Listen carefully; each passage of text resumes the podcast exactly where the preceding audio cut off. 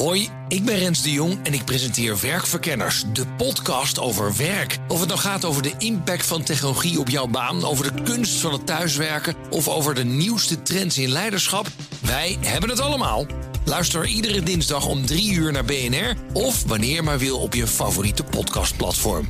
Werkverkenners wordt mede mogelijk gemaakt door Prescan. Prescan, ga voor je gezondheid. Mobility Update. Ja, en dan gaan we naar Jorn Lucas van de BNR Mobility redactie. Jorn, goedemorgen. Goedemorgen, Bas. Ja, want echt om te zorgen dat iedereen uit de auto gaat en in het openbaar vervoer gaan we de prijzen verhogen. Het OV wordt opnieuw duurder.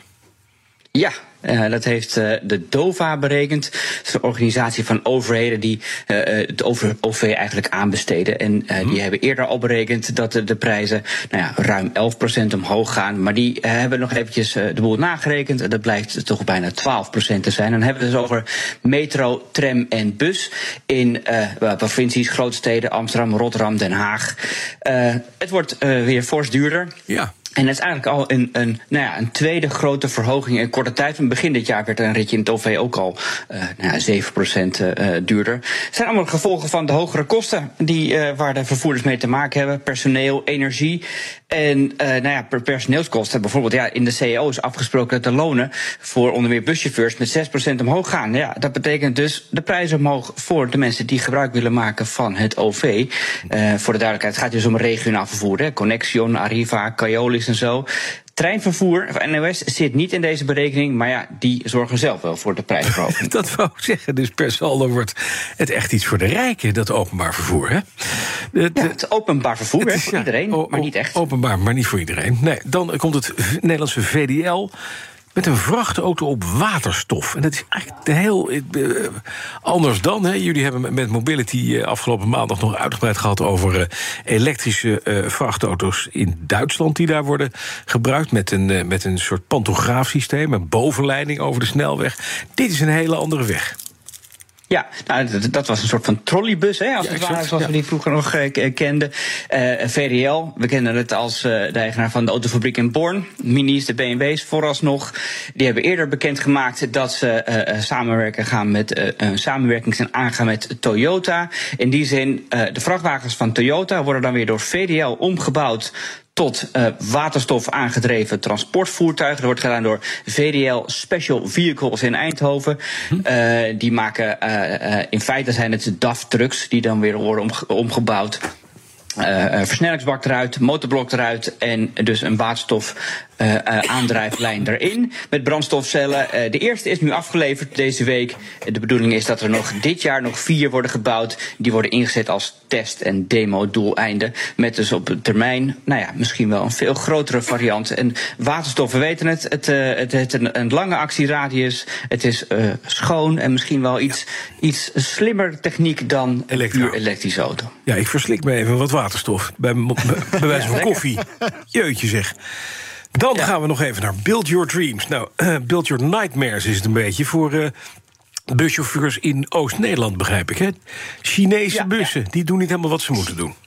Nee, nee, dat is inderdaad een beetje een soort van nachtmerrie. Build Your Dreams, uh, BYD. Uh, er rijden ruim 200 van deze bussen in Oost-Nederland rond. En hebben we het over het gebied IJsselvecht, Zwolle, Apeldoorn, uh, Hardenberg, dat soort, dat soort verhalen. We hebben al eerder die gebieden, we hebben eerder over gehoord over de problemen die deze bussen verzorgen. Ja. dan moet je denken aan het stuur staat niet recht, waardoor die steeds naar de, naar de stoeprand trekt. Nou, dan moet een chauffeur dus tegensturen. En dat leidt mhm. zeker voor bij langere ritten tot schouderpijn. We hebben ook uh, verhalen gehoord over de pijnlijke pols, rug, nek, zitvlak, elleboog. Uh, het Nederlandse Dagblad schrijft er nu ook over.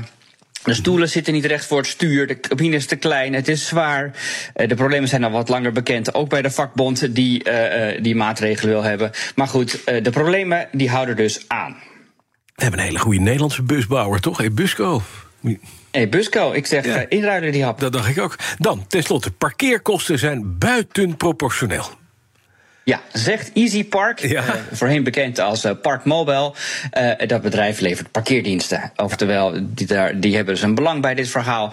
Maar die hebben een eigen onderzoek gedaan. En wat zien zij? De binnensteden worden steeds meer autoluw. Het wordt moeilijker om met de auto de stad in te komen. Uh, uh, daardoor staan er, ontstaan er parkeergarages steeds meer in en rond de steden. Dat is misschien wel beter voor het straatbeeld. Minder mensen die moeten zoeken naar een parkeerplekje langs de gracht. Maar goed, die dingen, die, de kosten, die zijn wel hoog. Niet alleen op straat, maar ook in de parkeergarages zelf natuurlijk. En het probleem daar is dat niet altijd even duidelijk is, voordat je de parkeergarage inrijdt, wat je nou moet gaan betalen. en daar zegt Easy Park daar kunnen wij bij helpen. Hier kunnen we een rol in spelen, want dit is een, een, een, een, een verantwoordelijkheid voor gemeenten en de bedrijven die bezoekers beter moeten mm informeren hierover. En EasyPark zit ook letterlijk in het persbericht. We helpen graag de gemeente om inzicht hierin te krijgen. Ja, nou, natuurlijk, ja. Uh, maar goed, een onderliggend probleem natuurlijk wel natuurlijk. De parkeerkosten die lopen zowel op straat als in de parkeergarage de spuigaten uit. Nou, de meeste automobilisten begrijpen dat wel, dat het niet gratis kan, maar het kan misschien ook anders. Dat wou ik zeggen.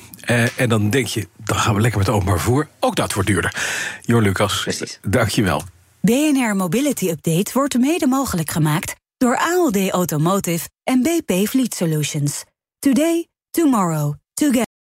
Hoi, ik ben Rens de Jong en ik presenteer Werkverkenners, de podcast over werk. Of het nou gaat over de impact van technologie op jouw baan, over de kunst van het thuiswerken of over de nieuwste trends in leiderschap, wij hebben het allemaal.